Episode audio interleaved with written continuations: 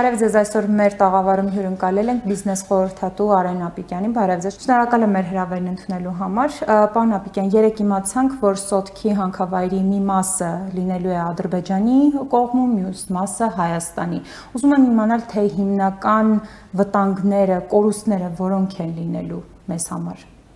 Ասենք նրանց որ 3 չիմացանք, մենք վաղուց գիտեինք, որ Սոտքի հանքավայրի մի մասը գտնվում է 3 հաստատվեց շրջանում, մի մասն էլ Հայաստանի տարածքում, եւ դա այդ խնդրահարույց հարցերից մեկն էր իհարկե, որը կրկնում եմ, այդ պայմանագիրը ստորագրելու ժամանակ ոչ մեկը հաշվի չառավ այդ խնդիրները, ինչպես եւ բազմաթիվ այլ խնդիրներ, որոնք հիմա մենք տեսնում ենք, որ առաջանում են, բայց ցավոք մեր իշխանությունը իդեմս Նիկոլ Փաշինյանի պայմանագիրը ստորագրելու ժամանակ մի րոպե ժամանակ չվերցրեց հասկանալու ինքը ինչի տակ է ստորագրում, դրա համար ունենք այն ինչ ունենք։ Իսկ երեկվա բիջադեպը դա պարզապես խայտարակություն է, դա խոսում է միայն նրա մասին, որ մենք այս բանը ընդհանրապես սահման չունենք այդ տարածքում, որովհետև շատ լավ գիտակցելով, որ մենք ամսի 25-ին պետք է վերադասնենք Կարվաճարի շրջանը, մի անցակետ նորմալ չկահավորվեց այդ ճանապարհի վրա, որպեսզի մենք կարողանանք չթողենք Ադրբեջանի զորքը գա մտնի Հայաստանի տարածք։ Հիշեցնեմ, որ Սոնքի Սոտքի հանքավայրը բացի նրանից, որ իր մի մասը գտնվում է Հայաստանի եւ այնտեղ են հիմա ադրբեջանցիները գտնում, Վարդենիս քաղաքից ընդամենը 10 կիլոմետր թե 15 կիլոմետր հեռավորության վրա է։ Եվ որևէ խոչընդոտ իրենց դեմ չի եղել գալ հասնել միջև Սոտքի հանքավայր։ Այսինքն, երբ որ մեզ ցույց էին տալի նկարները դարպասներով, հիշում եք, գեղեցիկ sense բան, ու բոլորը մտածում են, որ հիմա այդ դարպասները կփակվի եւ վերջ, հա, այսինքն երկիրը անվտանգ է, փակ դարպասների հետևը մի գոնե, չգիտեմ, բան, սահմանապահ կամ մի ոստիկանության մեքենա թեկուս, տեսեք, ինչ պրիմիտիվ բան եմ ասում։ Եթե չեք կարողանում նորմալ կահավորեիք այդ սահմանապահ պունկտը, գոնե մի հատ ոստիկանական մեքենա չպետք է լիներ այդ դռների մոտ կանգնած, որպեսզի տեսնեն, եթե թշնամին գալիս է, չգիտեմ, ռացիայով կապնվեին, ասեն, որ թշնամին եկել մտել է արդեն Հայաստանի տարածք։ Ժամանակ չկար այդ համակարգային խնդիրները լուծելու համար։ Ցանկություն չկար։ Ոնց պետք է լիներ, որ այդպես այնուամենայնիվ կառավարությունը չկարեց։ Դա ընդհանրապես համակարգային խնդիր չի, էլի, դա պրիմիտիվ ամենապարզունակ լուծումն է, որը կարելի է տալ։ Այսինքն, կրկնում եմ, 14 տարեկան երեխան ավելի լավ է հասկանում, որ սահմանը պետք է լինի պաշտպանված, քան մեկ պաշտպանության նախարար այսօրվա ու գերագույն գլխավոր հրամանատար կոչեցյալը մարդը որ այդ բանն է զբաղացնում Եթե դու սահման ես դնում, պետք է սահման պետք է լինի պաշտպանված, որովհետև եթե դու քո սահմանը պաշտպանված չի, ուրեմն մենք չունենք պետություն ընդհանրապես, որովհետև պետությունը առաջին հերթին դա իր սահմանների պաշտպանությունն է, իր ազգաբնակչության ժողովրդի անվտանգությունն է։ Եթե դու դա չես կարողանում ապահովել, դու իրավունք ունես պետություն կոչվել ընդհանրապես։ Քո դրոշը, քո օրներքը, քո անձնագիրը ընդհանրապես ոչ մի գին չունի, եթե դու չես կարողանում ապահովել ամենայն ցածր մարդու պահանջարկը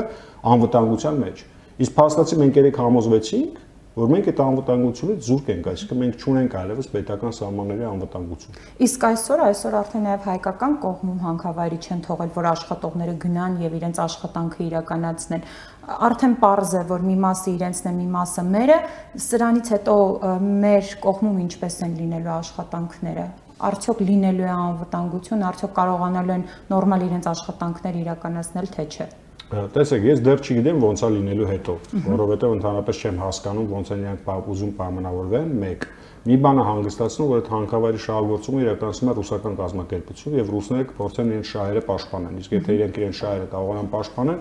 դա նաև կանրադառնա այնտեղի ուրեմն բնակչության եւ աշխատակիցների աշխատակիցների շահերի նույնպես, հա, այսինքն ես հույսով եմ, որ ռուսական կազմակերպությունը գեոպրոմայնինգը, որը շահագործում է Սոտքի հանքավայրը, ինքը կպայմանավորվի ադրբեջանական կողմի հետ, տեսեք, абսուրդային բան եմ ասում, այսինքն մենք ընդդեմ ընդհանրապես հիմա անելիք չունենք որպես պետություն, տենց է ստացվում, այսինքն Ադրբեջանը պայմանավորվում է գեոպրոմայնինգի հետ, որտեղով պետք է անցնի այդ սահմանը, այսինքն մեր սահմանապահ, չգիտեմ, մեր կառավարություն կառավարությունը բացարձակ չկան։ Դուք տեսել եք գոնե մի հոգի կառավարությունից, որ հիմա սոտքում ադրբեջանական կողմի հետ ինչ որ բան է բանակցում։ Տեսել եք, տենց մտած չեմ տեսել։ Ես Երևանից սպասում էի, որ չգիտեմ, հիմա գոնե երկու հատ տանկ կգնա կանգնի այնտեղ, որ ադրբեջանական այդ 250 հոկանոց բրիգադը, որ մտել է մեր տարածք, հասկանա, որ այստեղ ինչ որ այս կոմունել են էլի պաշտպանում այս պետությունը։ Բայց ես չտեսա տենց էլ այդ մարդկանց այնտեղ։ Այսօր ինչ որ մի երկու դեպուտատա գնացել, այնտեղ ինտերվյուներ են տալի։ Բայց կառավարությունից չեն այն ամենը։ Դե իրենք հա, ինչ կառավարություն։ Չանդրադարձան էլ այդպես։ Հա, ես չեմ տեսել դեռ որևէ պաշտոնական անց նորմալ բացատրություն տան դրա մասին, թե ինչ է տեղի ունենում։ Որովհետև երբ խոսում ենք նույն падգամավորների մասին, այդ նույն падգամավորներն էլ են հարցեր բարձրացնում, բայց ելի պատասխանները ըստ ամենայնի չկան։ Որտեղ չունեն այդ պատասխանները։ Տնտեսական առումով պարոն Աբիկյան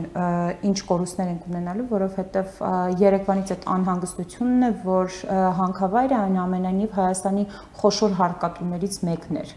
նախ հանքավայրը խոշոր հարկատուներից մեկն էր։ Երկրորդը խոսքը գնում է ոսկու պաշարների մասին, այսինքն որը մեր ընդերքն է, Հայաստանի Հանրապետության ընդերքն է եւ հանդիսանում է Հայաստանի ժողովրդի սեփականություն օրենքով, հա։ Երկրորդը այդ այդ հսկայական կորուստներ կունենանք ընդեղ եւ հարկերի տեսանկյունից եւ եթե մենք ինչ-որ մասը կորցնենք այդ սոտքի հանքավայրի, նշանակում մենք այդ ծավալները ոսկու ռեսուրսները կորցնելու ենք նույնպես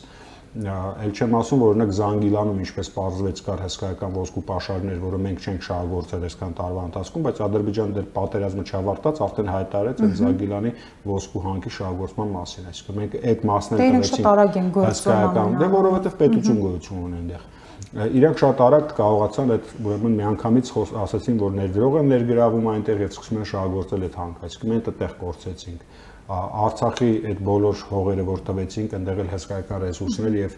գյուղտնտեսական բաներ ենք շատ մեծ կորցրել։ Իսկ միլիարդավոր դոլարների արդեն կորուստներ է տարել մեր տնտեսությունը պոտենցիալ ել չեմ ասում, որ մեր այսօրվա իրավիճակում տնտեսության եւ երկրի ներսում, քանի որ մեծ լուրջ ճգնաժամի առջև են կանգնած, արդեն սկսել է, բայց ավելի դեռ խորանալու է տնտեսական ճգնաժամը, արդեն մոտ մյուս տարվա դեֆիցիտը բյուջեի 1 միլիարդ դոլարից ավել է կազմում, այսինքն մենք այդ միջոցները չգիտեմ որտեղից ենք ներգրավելու ու ոնց ենք ներգրավելու, բայց այսօր արդեն կա կա խնդիր։ 1 միլիարդ դոլարի համարաչափով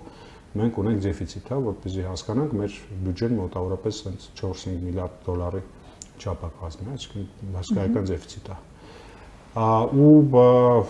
ու տեխնաժամը դեռ խորանալու է, այսինքն բիզնեսներ են փակվելու, մենք այսօր արդեն Երևանի փողոցներով քայլելով տեսնում ենք ոնց են բիզնեսները փակվում ներդրումներ չեն գա, չեն եկել այս երկու Բայց օրինակ երեք կառավարության նիստի ժամանակ նոր ծրագիր հաստատվեց, որով Կոմիտասի պողոտային պետք է շատրվաններ կառուցվեն։ Ну, երևի շատրվաններն իրանք պատրաստում մարդկանց բան ուտելիք տան, ինչ որ ժամանակ հետո, Բարան գնան շատրվանից ջուր խմեն բնակիչները երևի։ Բացարձակ անտրամաբանական այդ ամեն ինչը հիմա հասկանում եք, ինչու 10 միլիոն դոլարի ներդրում, եթե կա ներդրողը, որ պատրաստ է դա անել Երևանի համար, լավ է, թող անեն իրենց բիզնեսի համար, բայց ես կասկածում եմ, խորը կասկածներ ունեմ, որ այդ նախագիծը կիրականանա մոտ ժամանակներում։ Այսինքն սա եւս դա ստվելի է մյուս ծրագրերի, այն ներդրումների, որոնց մասին սկսեցին խոսել, բարձր ամբիոններից։ Ներդրողները որպես կանոն ապուշ չեն։ Ներդրողները կարողանում են հաշվել, հա, իրենք գիտեն, որ իրենք ներդրելու են այսքան գումար եւ այդ գումարից իրենք այսքան օրինակ փող կաշխատեն, հա, բարձ լեզվով խոսալով ես չեմ կարծում, որ որևէ մասնավոր ներդրող, եթե խոսքը գնում է մասնավոր ներդրման մասին, ոչ թե Երևան քաղաքի բյուջեից վերցնել այդ 10 միլիոնը ինչ-ինչ նույնպես հիմարություն է, այդ մասնավոր ներդրող տեսնելով այն ինչ որ կատարվում է Երևան քաղաքում, ընդհանրապես Հայաստանում հիմա, կգնա այս բանին այդպիսի ներդրումների։ Արցախում մենք ինչ կորցրեցինք, պարոն Աբիկյան, եւ հիմնականում որ համակարգերն էին, որ ամենը շատը տուժեցին։ Արցախում մենք ասենք այնց որ կորցրեցինք հայերենի։ Կամ ինչ է մնացել, եթե այդպես Արցախում մենք գործենք հայրենիք, պետք է դրանից սկսել, այսինքն միջև գալ հասնել իր տնտեսական էֆեկտներին բացասական։ Մենք գործեցինք առաջին հերթին հայրենիք, մարդիկ մարդիկ գործեցին իրենց տները, իրենց սեփականությունը, իրենց նախնիների գերեզմանները եւ այլն եւ այլն, հա։ Մենք գործեցինք բազմային մշակութային կողթողներ եւ այլն։ Այսինքն սկսենք այդ ամենամեծ կորուստը, որովհետեւ տնտեսական կորուստը վերականգնվող է որպես կանոն, հա, ճիշտ քայլերի դեպքում, բայց այդ կորուստները, որ մենք ունեցանք, դա վերականգնվող չեն Այսինքն ես չգիտեմ ինչ հրաշք պետք է հիմա լինի, որ մենք կարողանանք այդ ամեն ինչը մեր չորձով հետ վերել տնտեսական էֆեկտը է այդ այդ եմ ասում մենք հսկայական չգիտեմ հողատարածքներ տվին որոնք արոտավայրեր էին այգիներ էին դաշտեր էին ջրային ռեսուրսներ էին շատ մեծ, այնտեղ կային հիդրոէլեկտրոկայաններ, որոնք օրինակ Էլբաջարի այդ Կարվաճարի շրջանում մենք մեծ բաներ ունենք, ներդրումներ ունենք էներգետիկայի մեջ արած, туриզմի մեջ ներդրումներ ունենք արած, իրեն փոքր հյուրանոթներ էին, ռեստորաններ էին, կաֆեներ էին, դա փոքր բիզնեսի մասն է խոսքը գնում առաջինը, բայց մեկը դա ինչ որ մարտիկ է, ինչ որ աշխատատեղեր են, ինչ որ ինչ որ թեկուզ է ոչ շատ մեծ հարկային միջոցներ են որը մենք ամեն չթողեցինք, այսինքն, չգիտեմ, հայտնի կատարու գինին, որը Արցախի լավագույն գինիներից է, դրա գործանը մնաց հադրութում ամբողջովին կահավորված, այսինքն մենք նվեր տվեցինք ադրբեջանցիներին, որտեղ սեփականատերը չեն հասցրել իրենց գույքը գոնե մի մասը սարքավորումների հանեն, բերեն, չգիտեմ, Հայաստանում այդ գործանը բացեն փորձեն բան անել, այսինքն այդ այդ է վիճակը, այսինքն մենք արագ-արագ վերցեցինք եւ փախանք կարելի ասել։ Այսօր այն տարածքները, որոնք մնացել են դեռ դեռ Արցախում, այդտեղ ինչ հնարավոր է անել, որովհետև այսօր անդադ խոսում ենք, որ պետք է արցախցիները գնան Արցախ, փորձեն էլի զարգացնել, իրենց բնականոն կյանքին անցնել ինչ հնարավոր է այնտեղ անել։ Ну այն փոքր տարածքներում, որ մնացել է դեռ մեր վերահսկողության տակ ժամանակավորապես, այսինքն ոչ թե մեր ռուսական վերահսկողության տակ ես կասեի, պետք է տեսնել թե ինչ հնարավոր բաներ կա տնտեսական զարգացման։ Ես գիտեմ միակ մեծ ու համատաբար մեծ դա դրմբոնի այդ բանն հանքն է, որը մնացել է մեր վերահսկողության տակ, որը տես խոշոր կազմակերպություն է մնացած, էլ սա փոքր բիզնեսներ, էլ էլի լինելու է գյուղտնտեսություն, հա, էլի լինելու է ինչ-որ տուրիստական, եթե տուրիզմը ընդհանրապես կարելի է մոտակա ժամանակ տուրիզմի մասին խոսալ, պետք է վերականգնել այդ հնարավորինս վերականգնել ենթակառուցվածքները քանդված, հա, որպեսզի կյանքը նորից, որպեսզի մարդիկ կարողանան, որ ասում են մարդիկ վերադառնան, ուր վերադառ, հադրութի բնակիչ ուր է վերադառնալու այսօր ինչ որ քայլեր թեկուս պետական մակարդակով արվում են ես չեմ տեսնում ճիշտն ասած ես կյանքելի զարգացնելու ես գիտեմ որ սոցիալ նախարարությունը որոշակի արցախցիներին աջակցություն ցուսաբերում է որ Հայաստանն տեղափոխվել որովհետև նույնպես բացի այդ սոցիալական ծրագրերից բուն Արցախում ինչ որ քայլեր այս պահին արվում են ես մեր կողմից չեմ տեսնում ինչ արվում ճիշտն ասած ես տեսնում եմ որ Ռուսաստանի Դաշնությունն է ինչ որ հումանիտար օգնություն ուղարկում ինչ որ շինանյութ է ուղարկում ինչ որ բաներ է վերականգնում չգիտեմ, հերրակա գյուղեր ջուր ա հասցում եւ այլն, այսինքն ավելի շատ ռուսներն են անում, քան մենք իրականում այս պահին բայց դա նաև որոշ տրամաբանություն ունի, որովհետև այդ տարածքները այսուհետ ռուսական պրոտեկտորատի տակ են, այսինքն մենք ընդեղ էլ անելիք չունենք։ Ահա, մեծ հաշվով։ Որովհետև մենք այդ մի մասը, որը էլի լավա որ հայերով է բնակեցված, այլևս այսուհետ Ռուսաստանի պրոտեկտորատի տակ կգտնվում, այսինքն Հայաստանը այնտեղ այլևս իրենք էլ Հայաստանի անհրաժեշտություն չունեն այնտեղ։ Պարոն Աբիկյան, մի քիչ առաջ վարչապետ Նիկոլ Փաշինյանը ուղերձով էլի դիմում էր ժողովրդին եւ ասաց, որ մեր երկրի շուրջ եւ ներսում կայունությունը ապահովելու եւ անվտանգությունը ապահովելու համար պետք է ամսի 9-ի համաձայնագիրը իրագործել։ Եվ ըստ էության մենք հերթով կարգով այդ բոլոր կետերը շատ նորմալ կարծես թե իրականացնում ենք բայց արդյոք դրա իրականացումը ապահովելու է մեր անվտանգությունը որովհետև կարծես թե այսօր մեր ամենամեծ խնդիրը եւ առաջնայինը հենց անվտանգությունն է Ну, մեր անվտանգությունը այսօր ոչինչ չի ապահովում, սենց ասեմ։ Երբեք չի ապահովել իրականում, ուղղակի կար ժամանակ, երբ որ մեր արտաքին քաղաքականությունը եւ մեր դիվանագիտությունը կարողանում էր որոշակի երաշխիքներ ստեղծել Հայաստանի վրա չհարցակվելու համար։ Այն որ մենք ունենք հարևան Թուրքիա եւ Ադրբեջան, ինքը մշտական ռիսկ է մեր համար, այսինքն չկա այդ 30 տարիներ միշտ եղել է վտանգը, որ մեր վրա կարող է հարձակվի կամ Թուրքիան կամ Ադրբեջանը։ Ուղղակի նախկին իշխանությունները օրոք նրանք կարողացել են այդ ռիսկը քչացնել, այդ ռիսկը չեզոքացնել ինչքան հնարավոր է եւ մենք տեսնում ենք, որ իրոք այսպիսի ուրեմն մեծածավալ կորուստներ մենք չենք ունեցել նախկին 30 տարիների մեջ եւ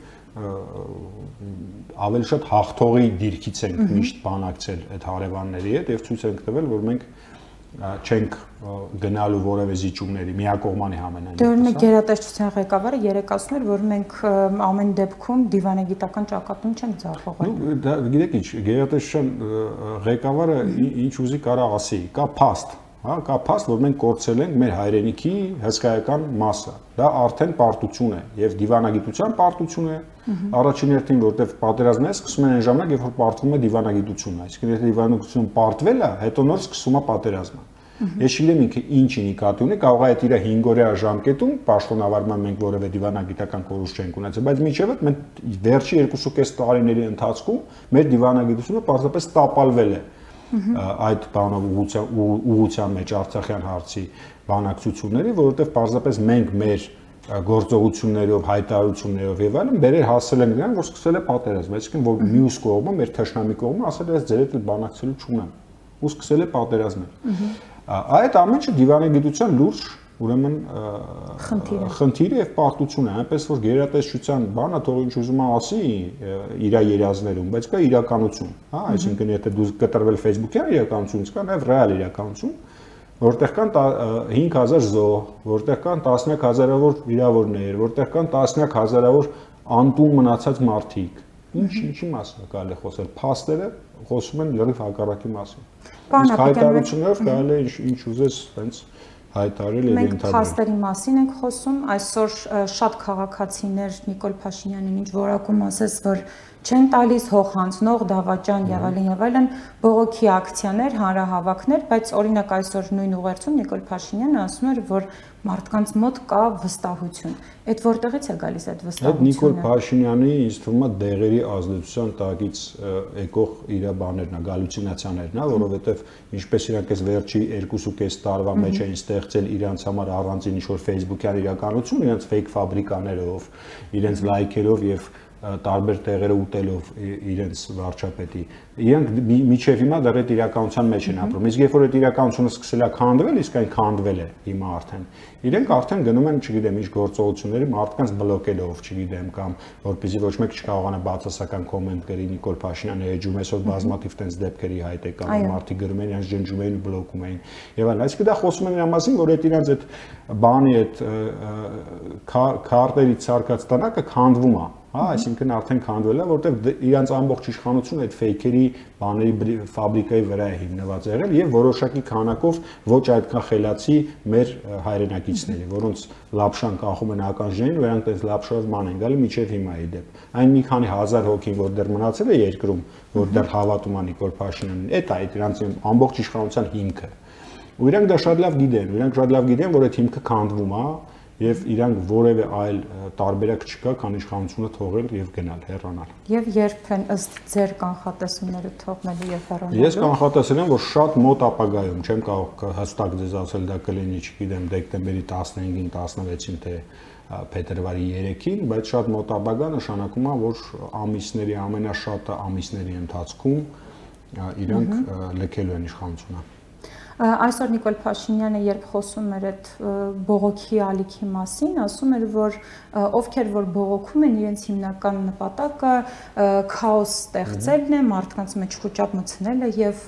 ուզում են իշխանության գալ արունով եւ արունով պահել, սովոր են դրան, այդ ովքեր են այդ ովքեր որ ուզում են արունով գալ իշխանության, որովհետև նույն ցույցերին սովորական մարդիկ են գնում ապա քաղաքական։ Ինչպես միշտ իրանց աչքերի մեջ դա նախկին իշխանությունների ներկայացուցիչներն են կամ աջակիցները, եւ իրանք քանը որ ամենաառաջը ոնց եկան եւ կիսեցին մեր հասարակությունը եւ ժողովրդին սևերի սպիտակների նախկինների եւ նորերի, իրանք դեռ փորձում են այդ տրամաբանության մեջ գործել, չհասկանալով որ այլևս ժողովուրդը չի հանդուրժում այդ իրավիճակը եւ չի հավատում դրան, որովհետեւ նաեւ կրկնում են կամ փաստեր։ Մարդը ինչքան էլ հիմար չլինի, ինքը տեսնում է, որ վերջը վերջը որ իրան խափել են այս ամբողջ ժամանակների ընթացքում 2.5 տարի մեզ խափել են մեզ ասել են հները էս հները այնց բայց կան էլի անհերքելի փաստեր հները այսպես կոչված նախկինները ոչինչ չեն զիջել չգիտեմ ոնց խափել են, չգիտեմ, տենց լավ դիվանագիտություն են վարել, անձնական լավ հարաբերությունների հաշվին են կարողացել տակից դուրս գալ, բայց ոչ մեկ այսպիսի խայտարակ պարտություն, այսպիսի խայտարակ ստորացուցիչ կապիտուլյացիա չի ստորագրել հներից։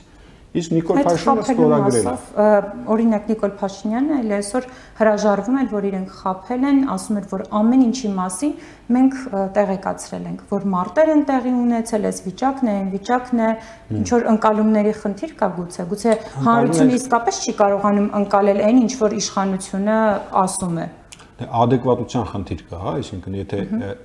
այդ մարդը իրոք մտածում է, որ ինքը չէր ստում այս ամբողջ ընթացքում եւ իր բոլոր ուրեմն իր կողմից նշանակված պատասխանատու անձինք, որ ամեն օր հերոստատուսով ելույթ են տվել, չեն ստել, ուրեմն ինքը adekvat չի։ Ուրեմն ինքը էլի փորձում է շուր տա, ինքը կանի որ նաև ոչ միայն adekvat չէ, նաև լավ մանիպուլատոր է, ինքը փորձում է ուրեմն իր իրականությունը բոլորի վզին փաթաթի, հա։ Բայց դա այդպես չի, որովհետև մարդիկ շատ լավ հասկանում են, մարդիկ սա 44 օրվա ընթացքում լսել են, որ մենք հաղթում ենք, հեսա մտնում ենք, զգետնում ենք, չգիտեմ, գյորբագյոր ենք անում, իսկ հետո իրանց դեմենտալը ասում են մենք տվեցինք սա խողերը նորմալ մարդու մոտ ինչ բան կլինի դրանից եզրակացություն, որ քեզ խափել են, չէ, 44 օր։ Ոնց կարաս դու 44 օր ճշմարտություն ասես, իսկ հետո վերջում այսպիսի խայտարակ ստորացուցիչ փաստաթուղթ։ Չէ, բայց իրենք զուգահեռ նաև ասել են, որ մարտեր են տեղի ունենում։ Դե հա, մարտեր են տեղի ունենում, բայց մեզ չի մեզ չի ասվել նրա մասին, որ մենք պարտվում ենք այս պատերազմում։ Մեզ չի ասվել, որ այդպիսի կորուստներ ունենք հսկայական մարդկային եւ տարածքային։ Մեզ չի ասվել նրա մասին, որ մեզ պարտադրում են ստորագրել փաստաթուղթ որով մենք հանձնելու ենք Արցախի 2/3-ը։ Հասկանաք, օրինակ խոսում են հիմիկվա այս բաները, որ նախկիններն էլ էին պատրաստ գնալ փող զիջումների, փող զիջումների, որ նախ փող զիջում նշանակում փոխադարձ զիջում։ Հա, այսինքն երբ որ երկու կողմերը ինչ որ բան զիջում են, ճիշտ է։ Նախկինների ժամանակ, երբ որ խոսքը գնացել է փող զիջումների մասին, հիմնականում խոսքը գնացել է կարգավիճակ հողերի դիմաց փողզիջման մասին, այսինքն Արցախը նախկին լղին սահմանեմ ստանում է անկախություն, մենք վերադարձնում ենք այդ մի քանի շրջանը, որը մենք այն ժամանակ որպես ազատագրած տարածքներ, որպես անվտանգության գոտի ենք գրավել։ Դրա համար է նպատակը դա էր վերցնենք անվտանգության գոտի, որ հետո նաև կարողանանք առևտուր անենք դրա շուրջ։ Դա լրիվ տրամաբանական հասկանալի բանա գնացել, բանակցությունա գնացել։ Մեր դեպքում, որը փող զիջման մասին խոսքի գնացել, եղել է զիջում։ Փոխադարձ զիջում չի եղել, որտեղ ադրբեջանցիք զիջել են մեզ 0 Իսկ մենք զիջել ենք ամեն ինչ։ Ավելին։ Ավելին, մենք զիջել ենք 7 շրջան միանգամից, իդեպ նախկինների դեպքում 5 + 2-ը, այսինքն 5 + հետո ինչ որ ժամանակ հետո 2-ը։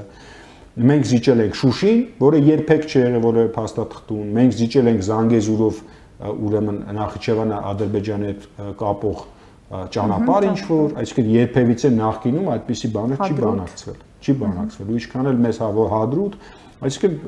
մենք ուղակի տվել ենք։ Եվ նաև Հայաստանով ճանապարհ։ Եվ նաև Հայաստանով ճանապարհ։ Եվ մենք այսինքն մենք տվել ենք ուղակի տվել ենք, այսինքն մենք զիջման, զիջում ենք արել, ոչ թե փող զիջում, հա, այսինքն այն կողմից, որ մեզ զիջել են կրկնում եմ 0, 0 Պատերազմի օրերին նաև այնտեղ էր Աննա Հակոբյանը, վարչապետի տիկին, ու տենց շատ մեծ աղմուկ բարձրացավ, եւ երբ հայտնի դարձավ, որ նա եղել է հրամանատարական կետում, այսօր Նիկոլ Փաշինյանը անդրադարձավ այդ լուրերին եւ ասաց, որ վարչապետի տիկինը այնտեղ է եղել բանակին բարոյական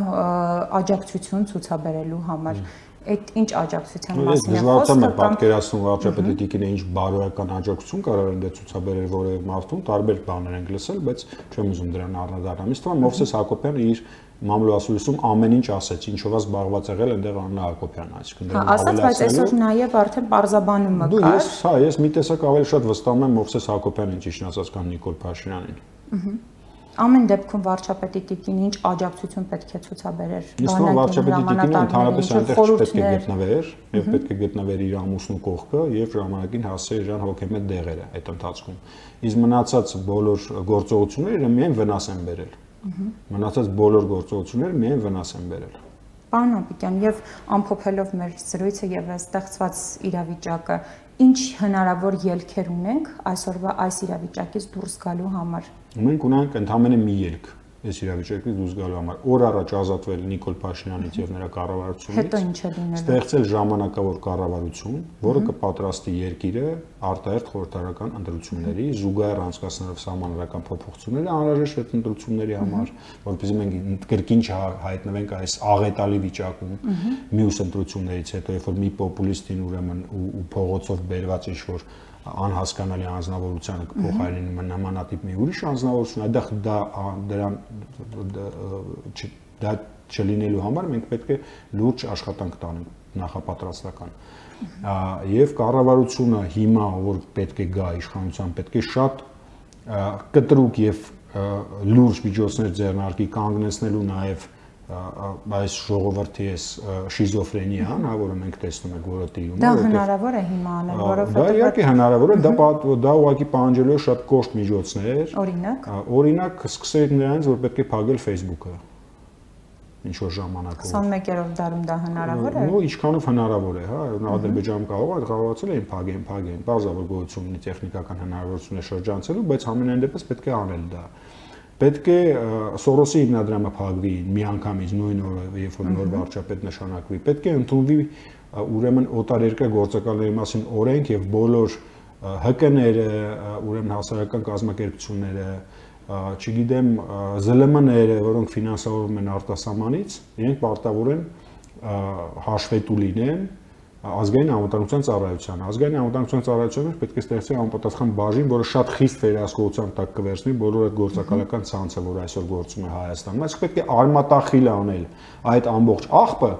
որը կուտակվել է այս տարիների ընթացքում եւ որի մեղապաճառով եւ մեղավորության մեծ բաժին կա այնտեղ, եւ նախկին իշխանությունները ունեն այդ մեղավորության բաժինը, որ աչքա թող են արել կամ շատ չափից դուրս դեմոկրատ են փորձել թվալ, որ թույլ են տալի ինչ-որ հալաղողություն, եւ քայքայիչ գործողությամբ են զբաղվել այս ամբողջ տարիների ընթացքում եւ դա պետքա հենց այսօր պետքա արմատից դրանց պետքա փոկել։ Դա մյուսը, երկրորդը պետք է